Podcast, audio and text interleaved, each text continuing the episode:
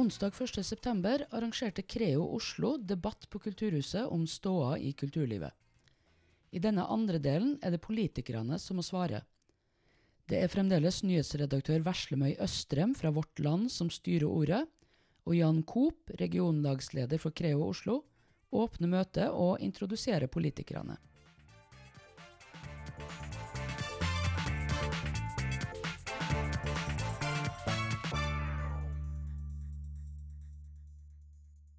Jeg har gleden å hilse velkommen følgende debattanter. Statssekretær i Kulturdepartementet, Emma Lind fra Venstre. Rina Maria Hansen, byråd for arbeid, sosiale tjenester og mangfold fra Arbeiderpartiet. Freddy Øvstegård, kulturpolitisk talsperson i SV og medlem i Stortingets kulturkomité. Og Marie Sneve Martinussen, som er nestleder i Rødt og stortingskandidat. Dessverre er panelet politisk litt skjevfordelt. En overrepresentasjon av de tradisjonelle vennene til arbeiderbevegelsen ønsket vi på ingen måte. Og vi har virkelig prøvd å få til et politisk balansert panel og har invitert representanter for bl.a. Høyre og Fremskrittspartiet. Vi ønsket en bredest mulig debatt om kulturpolitikken. Dette er det best mulige resultatet vi klarte å oppnå. Vi er desto mer glad for at akkurat dere som er her i kveld, har prioritert denne debatten hos oss i innspurten av valgkampen. Og viser med dette at dere synes kultur er viktig. Jeg gleder meg til debatten. Vær så god, Veslemøy. Tusen takk for det. Emma Lind, du er statssekretær i dette departementet som nå har blitt eh, behørig omtalt i eh, første del. Og vi skal snakke mest om kulturpolitikken framover, men vi er faktisk nødt til å snakke litt om kritikken som du nå har fått. Støtteordningene har truffet skeivt. Mm. De har, mange har ramla utenfor, særlig blant unge nyetablerte. Ja, ja. Vi kan begynne med den. Vi kan begynne der. Altså, eh, vi har vel alle vår eh, historiefortelling, tror jeg, i denne pandemien. Eh, og ordningene som kom på plass Kulturordningene kom jo ganske kjapt på plass. I hvert fall den første kompensasjonsordningen. Eh, og den var jo ment å treffe ganske bredt eh, og kjapt, ikke minst. Og det eh, har selvfølgelig ikke truffet alle like godt. Det har vi jo eh, sett gjennom hele pandemien. Den røde tråden har jo hele tiden vært at vi kan ikke, hvis vi skal begynne å lage helt konkrete og spissa innretta ordninger for hver eh, gruppe, for hver problemstilling, for hver aktør, så får vi, ikke, får vi, ikke, pengene ut. Vi får ikke ordningene på plass. Det tar altfor lang tid eh, å få, få, de ordningene på plass. Men kan du så, leve med at 20% av alle musikere faktisk har slutta med jobben sin? Det at man har mista såpass mange, det er klart det er bekymringsfullt. Men jeg, er, jeg, jeg, håper jo at når vi nå ser at vi kommer eh, nærmere og nærmere trinn fire jo mer vi har mulighet til å, å komme tilbake til en, en normal hverdag, jo eh, da håper jeg da også se at eh, rekrutteringen vil komme at, at, folk vil ha lyst til å holde på med dette. Det er jo en bransje som, som drives også mye av eh, lidenskap. Jeg er selv eh, tidligere helt annen, et helt annet liv langt tilbake. Tidligere scenekunstner.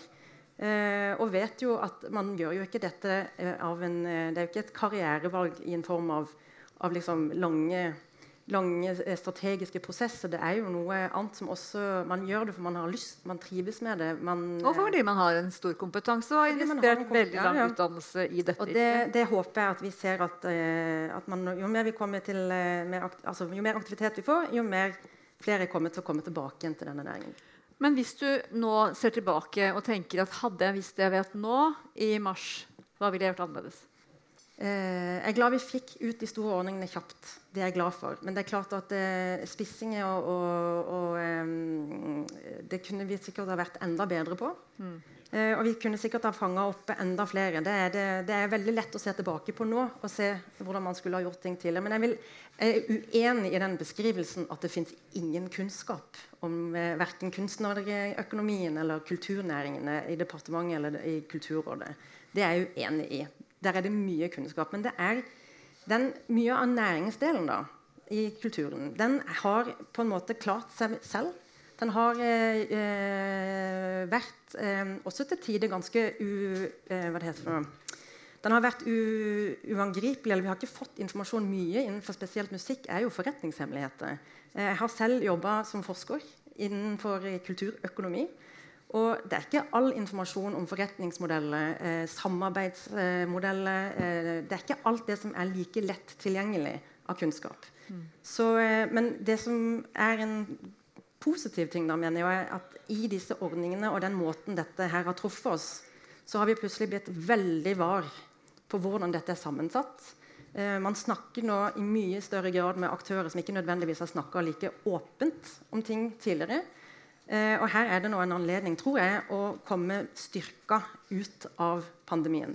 Men en helt konkret uh, utfordring som kom her på slutten, var at nå, vis, nå er kompensasjonsordningene i ferd med å bli avvikla.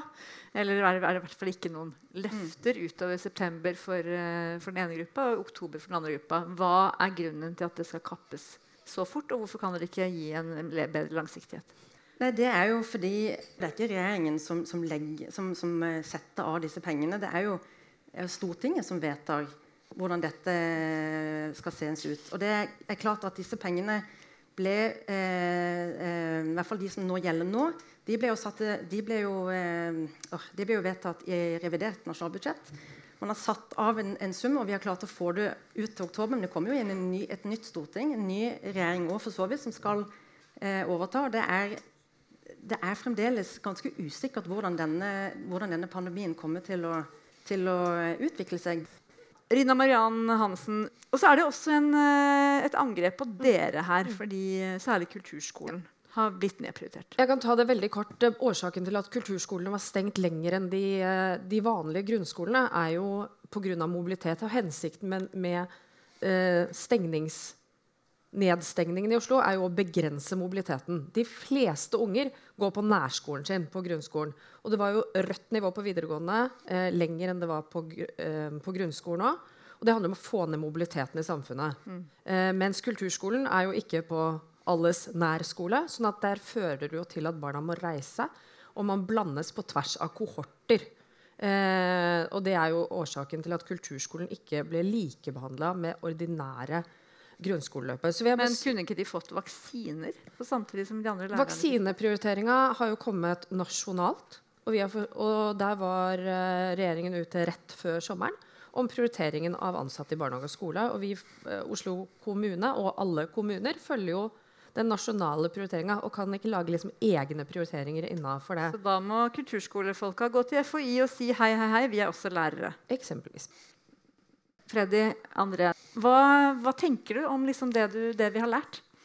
Ja, altså, aller først så må jeg jo si at jeg forstår den frustrasjonen som uh, også flere i panelet før oss uh, var opptatt av. At kulturfeltet så til de grader uh, har vært først stengt ned og sist uh, åpna opp.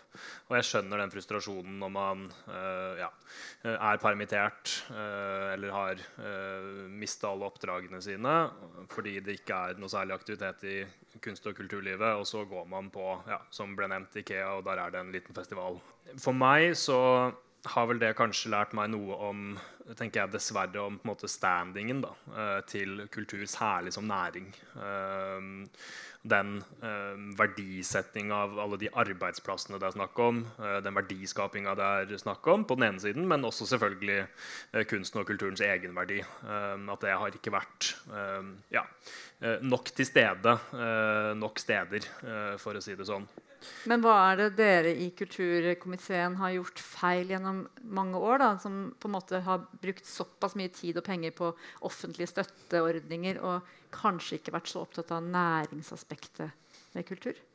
Jeg tror vel det, det gjelder uh, flere av oss. Jeg skal ikke bare gjøre dette til en, en måte, kritikk av regjeringa. Altså det, det, er jo et skeivt panel, som, som nevnt. Uh, at vi gjennom pandemien har, har, blitt kjent med flere kulturaktører på en mer intim måte uh, enn det vi var kjent med tidligere. det er nok helt klart. Men det jeg mener har vært problemet, da, litt som det forrige panelet var inne på, at man uh, mener jeg ikke har vært raske nok til å lære. Uh, at man ikke har vært raske nok til å, å lytte. Um, for jeg husker veldig godt i april 2020 så var jeg i Dagsnytt 18 mot mot lederen i kulturkomiteen, Kristin Øyvind Johnsen fra, fra, Høyre, og diskuterte dette med at underleverandørene ikke var inkludert i, i støtteordningene, kompensasjonsordninga den gang. Og Uh, altså, det tok jo bare noen få dager fra den uh, ordningen kom på plass, til at folk pekte på men hallo, her har vi jo uh, lys og lyd. Her har vi altså en hel, hel verdikjede av folk som ikke får ta del i kompensasjonen, men som er arbeidsledige akkurat nå. Og Det var det altså en diskusjon om jeg mot, mot Høyre allerede i april. Og så tok det altså helt til sensommeren før man endelig hadde klart å justere ordninga for å faktisk treffe alle leverandører. Og så, bare litt senere samme høsten, så eh, på tross av sterke advarsler fra opposisjonen, fra SV, fra feltet, så begynte man jo å skru tilbake kompensasjonsordningene eh, for tidlig. Sto vi i en situasjon utpå vårparten i år hvor vi ja, hadde stimuleringsmidler, men ikke kompensasjonsmidler.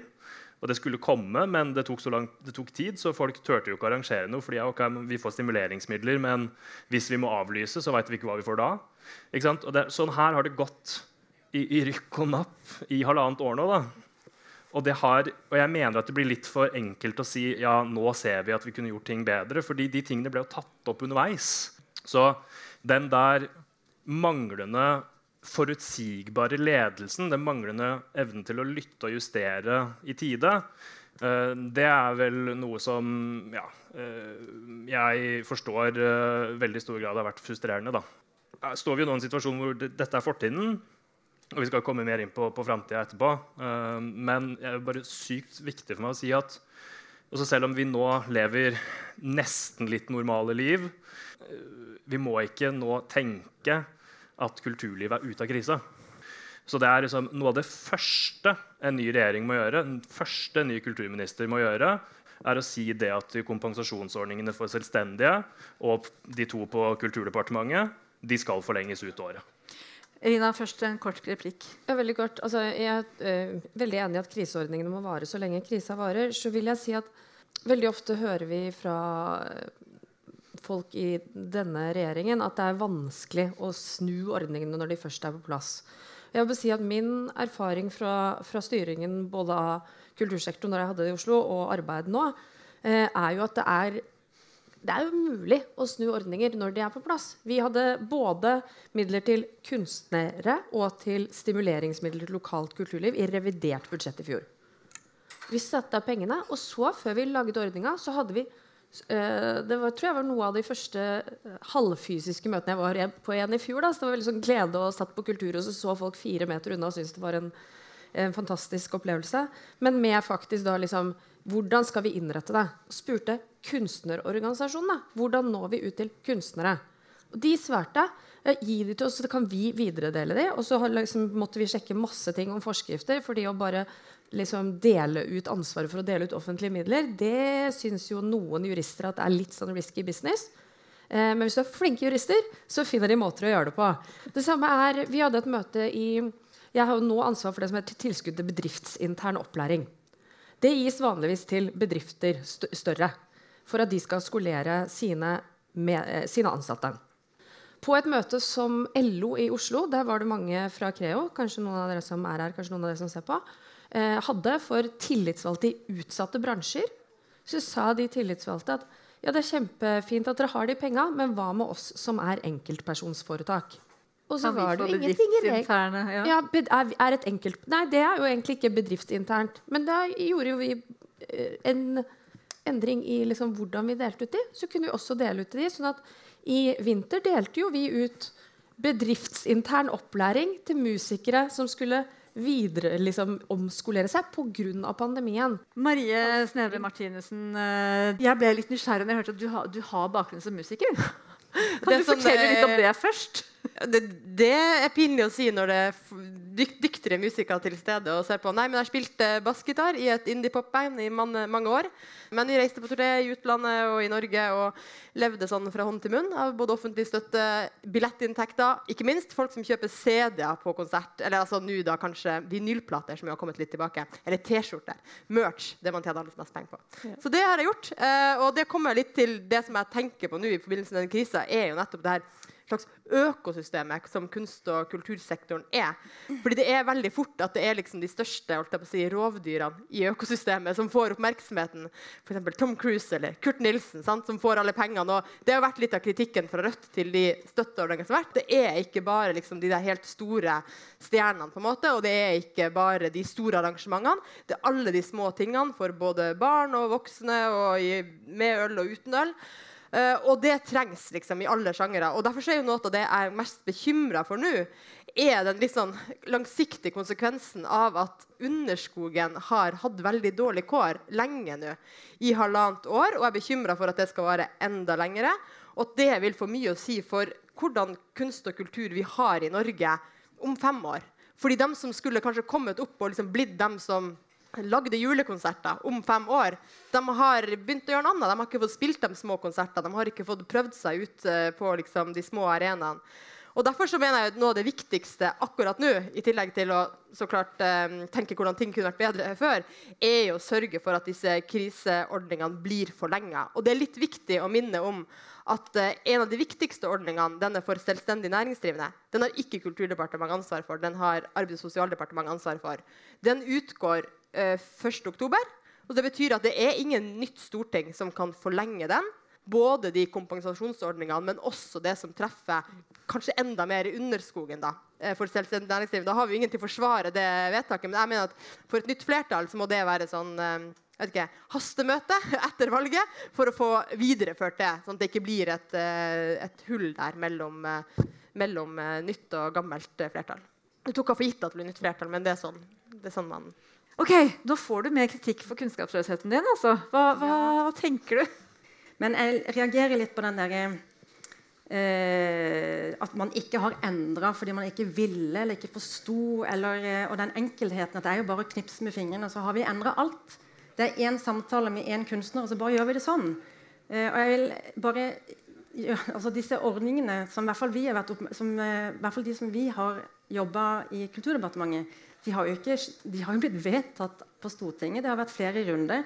Vel å merke, den, eh, det, det, altså I mars så kom det eh, den ene forhandlingen som kom inn i fjor fra, eh, fra Arbeiderpartiet og, eh, og, SV.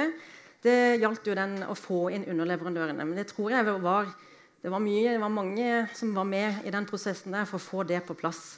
Men det er den ene endringen som har blitt gjort i etterkant når vi har hatt flere runder, flere pakker, så har de ikke blitt forhandla inn. De har ikke kommet med noen forslag eller noen endringer. Det har de ikke.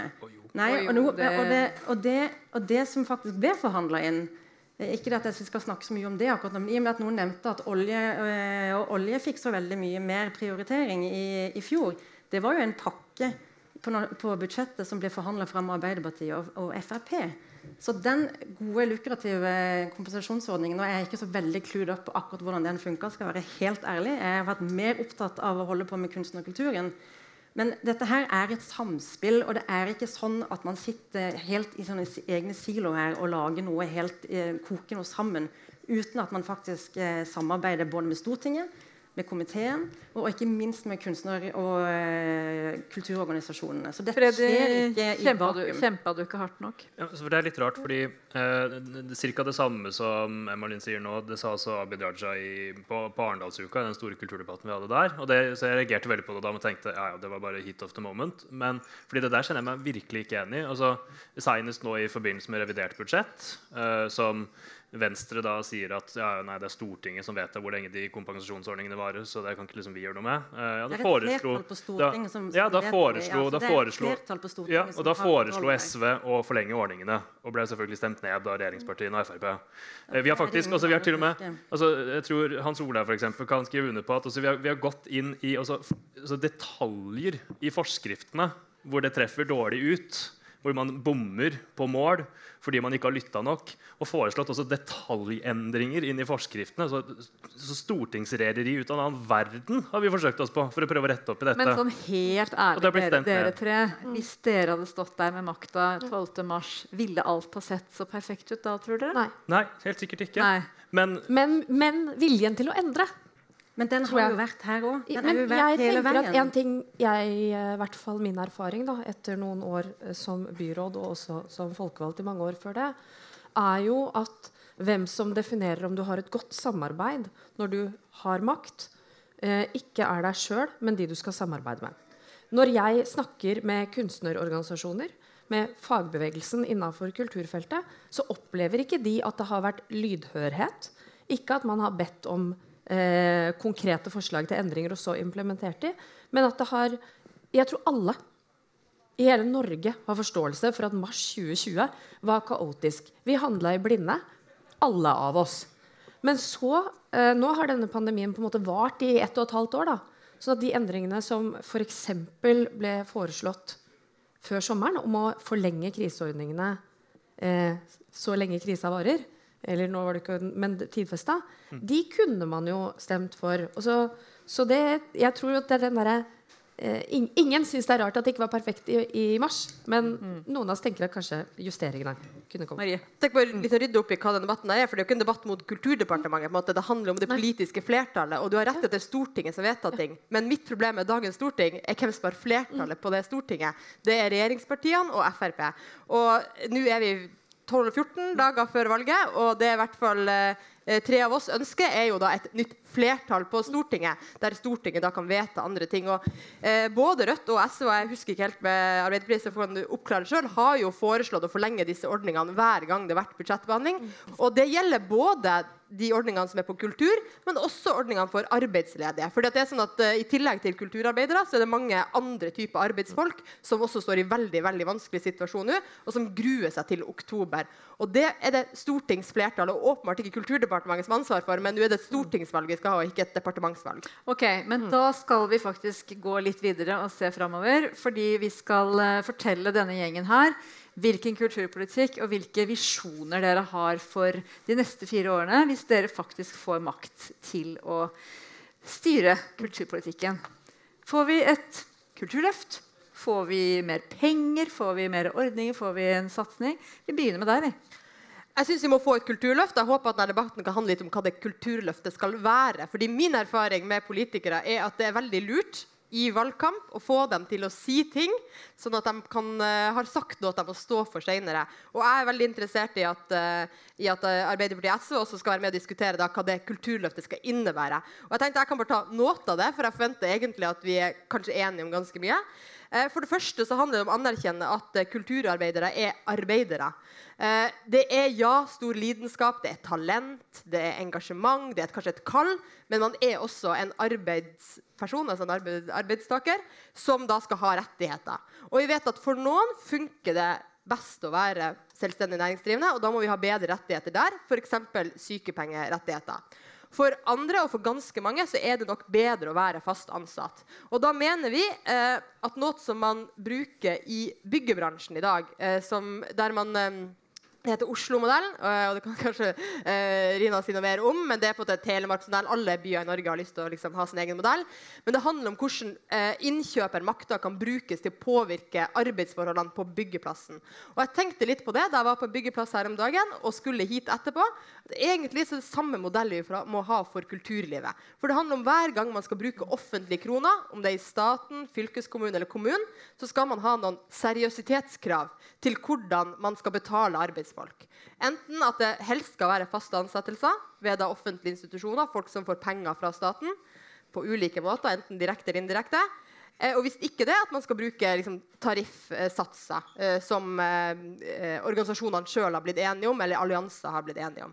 Og det tenker jeg er en sånn eh, seriøsitetsmodell for kulturlivet, der man egentlig har litt godt av å tenke at uh, han, uh, han mann eller dama med liksom, hjelm på byggeplassen og uh, jazzmusikeren eller lydteknikeren er egentlig litt samme posisjon. Og her har offentlige myndigheter mulighet til å bruke de virkemidlene fordi offentlige myndigheter tross alt i byggebransjen kjøper mange tjenester.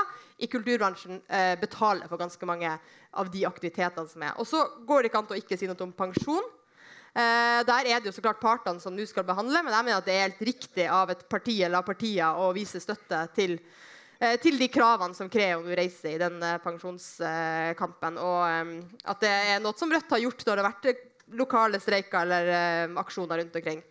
Selv om det er åpenbart opp, opp til partene akkurat nå å forhandle. Ok. Freddy André, hva er ditt kulturløft? Hva, hva består det av? Ja, altså SV har sagt det at vi igjen vil bruke 1% av statsbudsjettet til uh, kulturformål. Uh, I et normalår så vil det bety uh, flere hundre millioner mer til kunst og kultur. Og det er jo noe som alle de rød-grønne partiene nå har uh, forplikta seg til. Uh, det handler jo om å gi uh, kunst- og kulturlivet en liksom, slagkraft i de der budsjettkonferansene som regjeringene jo arrangerer hvert år. Gi en økt konkurransekraft og ikke minst kunne måles på om vi holder det vi lover. Og så er jo det helt enig med Rødt her i det interessante er jo hva innholdet skal være i et nytt kulturløft. Så her kommer et par av prioriteringene til, til SV. Eh, for det første så mener vi at tida nå er inne for å virkelig satse på den kulturelle grunnmuren. Grasrotkulturliv rundt omkring i hele landet. Eh, nettopp for å sørge for at vi har et rikt og variert kulturliv eh, til folk uavhengig av både lommebok og adresse. Så den kulturelle grunnmuren består jo av bibliotekene, består av av kulturfrivilligheten, eh, består av fritidsklubbene. Og så består det ikke minst av kulturskolen. For kulturskolen er et fantastisk tilbud både som skoleslag og eh, som ja, kunst- og kulturarena. Og Eh, vi mener at langt flere skal ha muligheten til å uh, få være med på uh, kulturskolen. få tilbud i kulturskolen. Så SV har sagt og foreslått i budsjettet vårt nå for i år at vi vil ha gratis kulturskoleplass, en, en måte, grunnplass for alle elever. Og at vi skal opprette 7000 nye plasser for å gjøre et ordentlig innhogg i de altfor lange køene som vi har i dag. Det er den første. Første prioriteringa eh, kulturell grunnmuren. Den andre prioriteringa det er kunstnerøkonomi. Eh, arbeidsvilkår. Det er, som, det, er, er, flere ting som er, som er, viktig å gjøre der. Og mm, jeg tenker først og fremst så må vi gjøre noen grep for at flere kan bli ansatt. Fordi ja, det er helt, helt sant som, uh, som, Marie sa.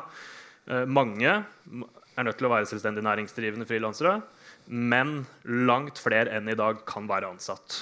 Og nå, Det ble nevnt i panelet tidligere, tidligere også at uh, vi har fått et uh, fantastisk flott uh, utvalg, Fogner-utvalget, som peker akkurat på hva vi må gjøre for å sørge for at det blir påkrevd å ansette folk når det faktisk er snakk om ansettelser. det de egentlig gjør på, på vegne av, av, bedriften. det foreslo SV allerede når utvalget leverte sin, sin rapport. Det har blitt behandla på Stortinget, selvfølgelig stemt ned. men det håper vi at et nytt flertall vil få, få endra på. Og så er det viktig at eh, også de som ikke kan få de der faste ansettelsene, får bedre økonomiske og sosiale rettigheter. Og Da har SV foreslått en rekke ganger å opprette en musikerallianse Sånn som vi har en skuespiller- og danseallianse i dag. Den alliansen ansetter jo folk med eh, lønn og rettigheter mellom oppdrag, så man er fast ansatt eh, mellom oppdrag. Eh, samme kan vi gjøre for musikerne og for komponister og en rekke andre eh, uttrykk også. Eh, og det har SV foreslått at vi må eh, få på, få, på, plass. Ja. Så den tredje og siste tingen skal jeg ikke bruke så lang tid på den siste, det er det frie feltet. Mer penger ut til Kulturrådet, Sørge for at sant, alt som helårsarrangørstøtta, festivalstøtta, eh, det som virkelig gir arbeid til massevis av musikere, kunstnere, eh, der er tida inne for å gjøre et ordentlig løft nå. Eh, institusjonene har vi bygd godt, og det må bygges videre. Men jeg mener at det frie feltet fortjener et, ja, et ekstra løft i et nytt rød-grønt kulturløft. Det jeg tror eh, vi skal være sikre på, er hvis vi får et nytt stortingsflertall, så skal det bli ganske lett å bli enige om både størrelsen på et kulturløft eh, og innholdet i det mellom de rød-grønne partiene. Vil du ha 1% Ja. Og det oppfatter jeg at alle partiene det, Nå kan vi liksom, Siden Senterpartiet ikke er her, så kan jeg være litt sånn Senterpartiet de vil også ha det? Nei, de ja. ja. Jo, men eh, ja, alle, de, alle partiene på rød-grønn side ønsker et kulturløft og ønsker 1% Så er jeg også sikker på at hvis dere hadde spurt oss hver for oss, så ville vi sagt omtrent det samme som Freddy. For det Freddy sier, kommer jo fra kulturutredninga av Enger-utvalget. Og Det er jo derfor også godt faglig fundert. Ikke sant? Det viser at det som var eh, manglene ved eh, Kulturløftet i den forrige rød-grønne regjeringa, var jo nettopp at man ikke nådde ut over hele landet og ut på grasrota og styrka den kulturelle grunnmuren. Og det er kunstnerøkonomien. Eh, det vet vi. Eh, sånn at der tror jeg også det er veldig lett å bli enig om at det er disse som må prioriteres. Tenkte jeg at kanskje jeg For å fylle ut på det Fredrikstad, Han snakka mye om kulturskole. Eh, helt enig i eh, alt som sies der. Det er jo også noe av det vi har erfaringer med fra hvordan Vi altså vi har jo et lite sånn rød-grønt kulturløft som vi har drevet med her i Oslo. F.eks. å ta kulturskolen inn i, i, det som her heter aktivitetsskolen, det som heter SFO andre steder.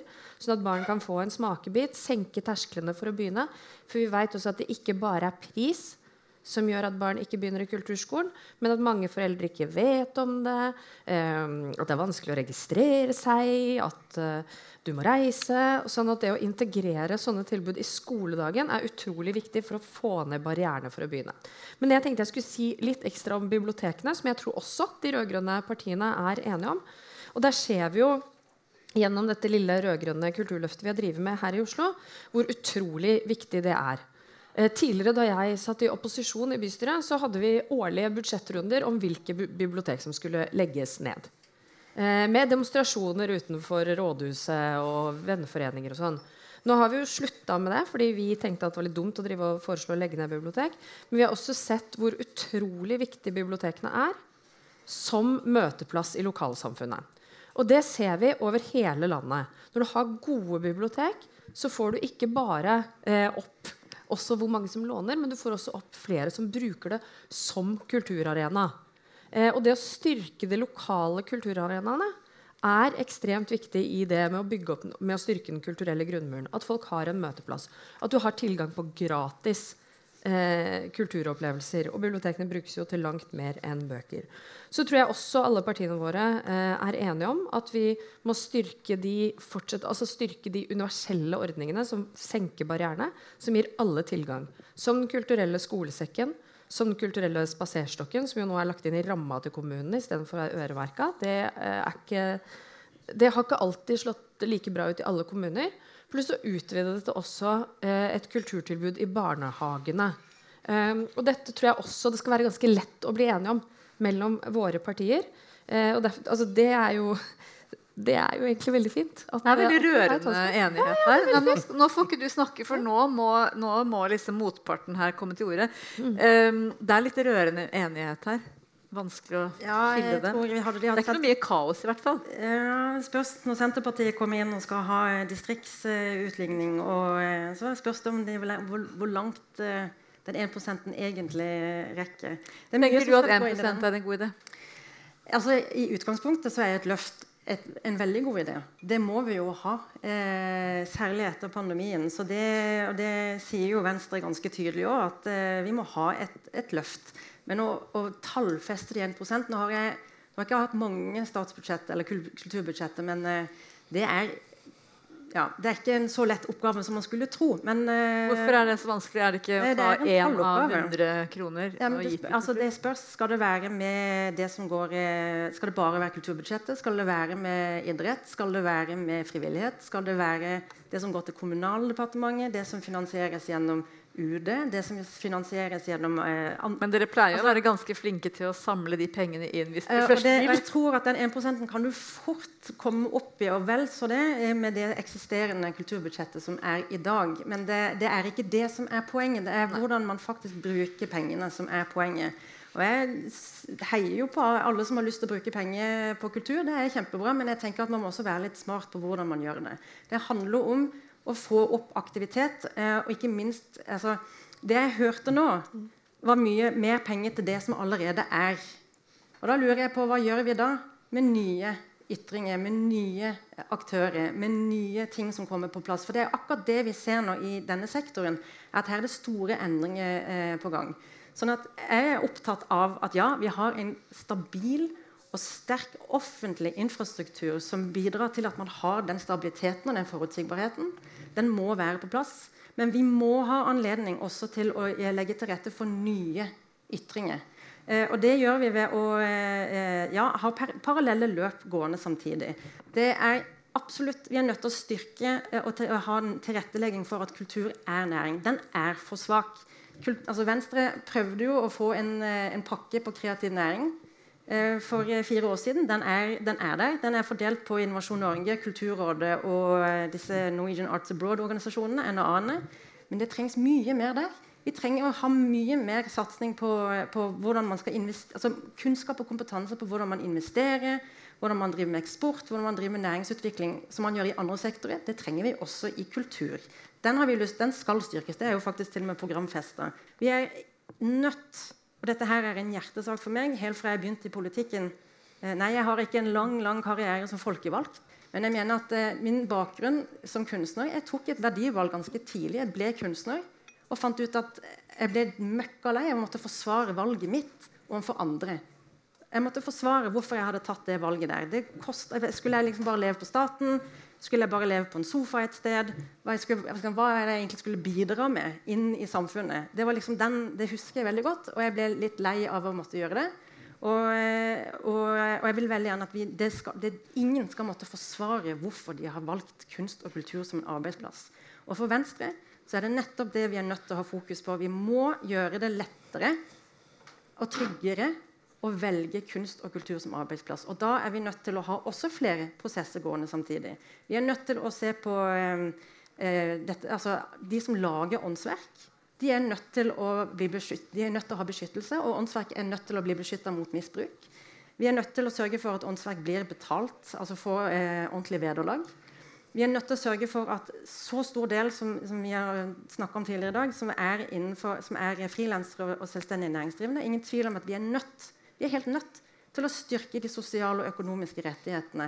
Og det var jo egentlig varsla at vi skulle gjøre i kunstnermeldingen. Det er en av mine store sånne sorg eh, at ikke vi har fått den ut i løpet av denne perioden. her. Det, eh, og den var jo gryteklar. Den var jo printa og skulle ut. Ja, jeg minnes vel at dette sto det også noe om ja. for åtte år siden. Om å styrke de selvstendig næringsdrivende kunstnerne. Ja, nå kan jeg bare svare for hva Venstre klarte å, å gjøre når de kom inn for fire år siden. Men, eh, men dette er, altså, Venstre er jo et gründerparti. Det er, det er, jo det som er den sterke profilen. Det er det og kunnskap. Og gründerprofilen det er altså de som skaper arbeidsplassene eh, for seg selv, men også for andre. Det er de som er fremtiden. Eh, og det er de som skaper verdien eh, for, for, det norske samfunnet til å vokse fremover. Så vi er nødt til å hegne om de. Nei, nå er det, altså, de tre får veldig mye plass. Nei da, du har, jeg har klokke her. Ja, du kan, ok, si en, et poeng, et men det, er, det dette her eh, som sagt, Det er også dette med sosiale og økonomiske rettigheter, men så må vi også ha fokus på rekruttering. og Da kommer den kulturelle grunnmuren inn, som Freddy var inne på. Vi er nødt til å ha rekruttering fra bredden. Og vi er nødt til å ha rekruttering til talentene. Og jeg er helt enig Den avslutningen vi hadde på den forrige paneldebatten, det er egentlig ganske rart. Og jeg syns det er trist at ikke vi klarer å løfte kultur i folks bevissthet i denne valgkampen. her. Jeg har prøvd hos medier, jeg har prøvd i mange anledninger at dette må vi ha mer samtale og debatt rundt. Eh, men det er veldig vanskelig å få til. Men det er vel, det er det det er vel bitte litt vanskelig også internt i din egen regjering? Nei. Det er det ikke. Men det er vanskelig. Det er, hvis du spør ut på gata hva er det folk er opptatt av akkurat nå når det gjelder valgkampen, så er det jo ikke nødvendigvis situasjonen rundt kunst og kultur. dessverre. Men jeg tror ikke alle helt også forstår hva som står på spill. Ikke sant. Marie? Det folk er opptatt av, og de sier at den viktigste saken for dem i denne valgkampen, er sosial ulikhet. Og det mener jeg handler om akkurat det vi snakker om nå. Fordi kunstnere og kulturarbeidere er, spesielt i noen sektorer, blant de lavest lønte i Norge. Billedkunstnere for eksempel, har en inntekt fra kunstnerisk virksomhet på liksom langt under fattigdomsgrensa. Folk jeg kjenner som er tegneserieskapere, lever liksom fra hånd til munn for å få det til å gå rundt, og har heller ikke sosiale rettigheter fordi de ikke har muligheten til å uh, få det når de er selvstendig næringsdrivende. Dette er uh, kan føles som ubehagelig å være alene på den ene sida, men det er også noe vi, vi er ikke på en kosedebatt. Dette handler om hvem som skal styre Norge de neste fire årene. og det vi snakka om alle tre her, om dette kulturløftet, eh, det er ikke så veldig mystisk hvordan den rød-grønne sida kan snakke om noe sånt. Det er fordi den store forskjellen mellom høyresida og venstresida i norsk politikk er hvor mange penger man har til rådighet. Dagens regjering har jo hvert eneste år måttet lete etter plasser å kutte for å finansiere skattekutt. Og man har til sammen kutta 34 milliarder kroner i skatter. Og det betyr at prioriteringene blir vanskeligere. Det er kanskje vanskeligere å skulle bruke penger på kunst og kultur når det ikke er nok penger til å ha i samtidig har det aldri vært et større kulturbudsjett enn det vi har nå. Men det aldri derfor- det. Det, det er også en, eh, det er en satsing der. så det, det føler jeg, Hvorfor, hvorfor anerkjennes ikke det at det er det største eh, Men nå har du kritisert oss for at vi sier at vi ønsker 1 av budsjettet, som jeg mener er et ganske tydelig bra mål. Det er et løfte man gir. Det er noe som binder deg, for det er veldig konkret og tydelig. Og du kritiserte det, mente det var veldig vanskelig etter at Excel-ark å få til å gå opp. Mitt poeng er at eh, når nå blir jeg sånn på vegne av alle da, men når jeg sier det og det skal vi bruke mer penger på, Freddy sier og så legger jeg det til det og det, og så sier eh, Rina det og det og det, ja, det blir mye til sammen. Men det går jo opp. Hvis man har høyere skatteinntekter, så går det opp. Og Derfor så mener jeg at det er fint at Creo bruker anledninga til å arrangere en debatt nå for å få nettopp sånne folk til oss til å si det og til å love det. Fordi jeg mener at det er rom for det med et nytt flertall. Og så er det jo sånn, som vi vet, at det er ikke sånn at eh, ett parti bestemmer alt i regjering, eller ett departement bestemmer alt i regjering. Og det er ikke lett for deg å forsvare alt som din, eller den regjeringa til partiet ditt sitter i, men det må være mulig for eh, dem som ønsker et nytt flertall, å snakke litt ordentlig om hva det vil innebære. Og da mener jeg kulturløft 1 veldig tydelig. Vi har vært innom noen av eh, tingene her, og ikke alt koster penger. For eksempel Men det å gi folk også- fast ansettelser koster ikke nødvendigvis mer penger. Og så er vi nødt til å forstå litt mer om forskjellen på dere tre også. Fordi at de skal jo ikke Mm. gi tre stemmer, de skal jo gi én. Eh, er det liksom samme? Er det samme? Du, Jeg kan ikke- si en ting om det. Du får arbeidsfolk. Nei, ja, men det, der vil faktisk si det sånn at det er ikke på kulturfeltet de største forskjellene er. Og det tenker jeg må være greit å si. I denne valgkampen så skal man tenke på masse ting. Profitt i velferden og klima og skattepolitikk og Det- jernbane. det og jeg, sånn tolker jeg det. Så Ja, kan det være at jeg er for det snill, da. Er det dere, er det dere liksom, Inkludert Senterpartiet, som vi også driver og inkluderer her. Ja. Dere er veldig inkluderende. Er Kvartett. Ja. Men Hva- er liksom, hva er- sånn- hva er man har jo stått veldig sammen i, i Stortinget om dette feltet. Så det er hipp som happ, egentlig. Hvem de velger. Altså, det er jo ikke det, for det, man er ulik. Men jeg mener at det må jeg lov å si når det er La oss si ja. Nei, men la, la 20 oss forskjellige Freddy få felt. svare. Da er det hipp som happ om om det blir deg eller Marie. Nei, det, det er jo selvfølgelig ikke det. Men, men jeg, altså jeg er veldig enig med Maria at det er ikke på det feltet her hvor vi har noen store uenigheter å dyrke.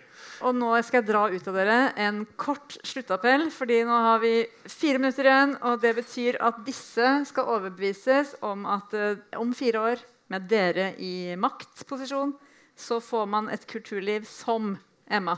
Nei, Vi må fortsette å bygge på den grunnmuren at uh, kultur som Fredrik Freddy nå nevnte, er, eh, er ytringer. De ytringene skal være fri. Det må være eh, et mangfold av ytringer. Vi må ha tilgang til et uh, kvalitetsrik og profesjonelt kulturliv i hele landet.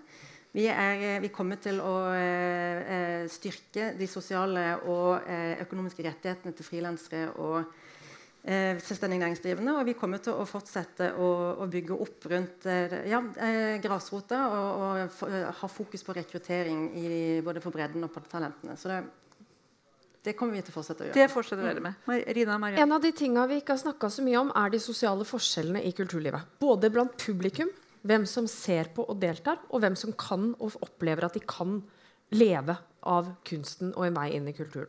Eh, og jeg håper at eh, om fire år har vi et kulturliv, hvis det var det som var åpningssetninga, hvor flere deltar, både som utøvere og som, eh, og som tilskuere og publikum. At vi har fått ned barrierene for å delta, ned barrierene for å begynne blant barn og unge, og inkludert enda flere i kulturen. Freddy André, fire år med deg som kulturminister. Hva blir det da? Har fryd og gammen. Nei, det, Så ferdig. jeg, jeg, jeg kan i hvert fall, eh, jeg kan i hvert fall love det at, der, at SV kommer til å prioritere uh, den 1% vi uh, får uh, en ny regjering programforplikta til, og skape et mer rikt og variert kulturliv som flere får ta del i, uavhengig av økonomi og bakgrunn. Um, og jeg kan bare ta liksom sånn, en sånn konkret case i stedet for å dra hele programerklæringa. Um, kunstnerøkonomien kommer til å være en hovedprioritet for oss.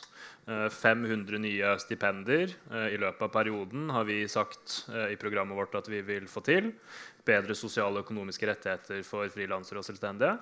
Bl.a. fordi, akkurat sånn som Marina var innom, det med kunstnerøkonomi er noe av det viktigste vi kan gjøre for å øke mangfoldet i kunst- og kulturlivet. For det er ganske viktig de økonomiske rammene, tryggheten du får for hva slags også folk som får lov til å ta del i kunst- og kulturlivet. Vi ser i altfor stor grad dessverre at man ikke kan satse på kunsten, leve av kunsten, fordi man ikke har den tryggheten i bånn fra før. Da får man mindre mangfold, mindre representativitet. Og jeg mener at det også gir et uh, mindre rikt uh, tilbud på, på, den andre uh, sida. Marie til slutt. Ja, Med Rødt som kulturminister så blir det ingen flere sure gitarer, aldri feedback og fulle saler overalt. Eh, det man vil ha. Eh, det viktigste er jo å sørge for at det ikke bare er dronning Sonja som kan drive på med kunst. Eh, fordi hun driver litt på med kunst ingen jeg eh, skal ikke disse hennes kunst, men det handler jo nettopp om det at uh, de økonomiske rammebetingelsene må være til stede for at det ikke bare blir de rikes smak som produserer kunsten vår. Da får vi mindre kritikk inn i kunsten vår. Da får vi mindre uh, mangfold og verdi, tror jeg. Og mitt mål er at uh, unge kvinner skal tørre å være kunstnere og kulturarbeidere og også få barn.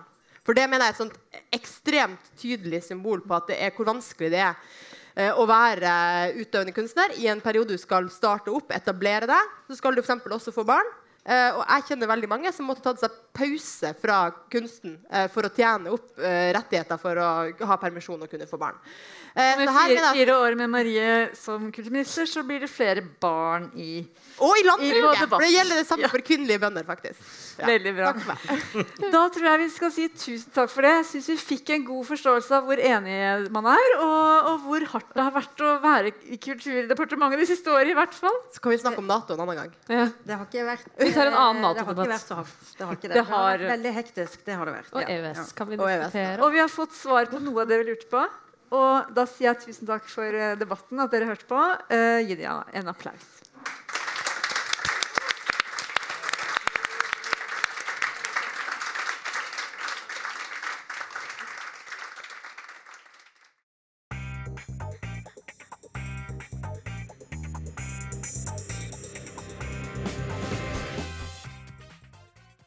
Denne og forrige podkastepisode er altså klippa ned fra en debatt på Kulturhuset 1.9.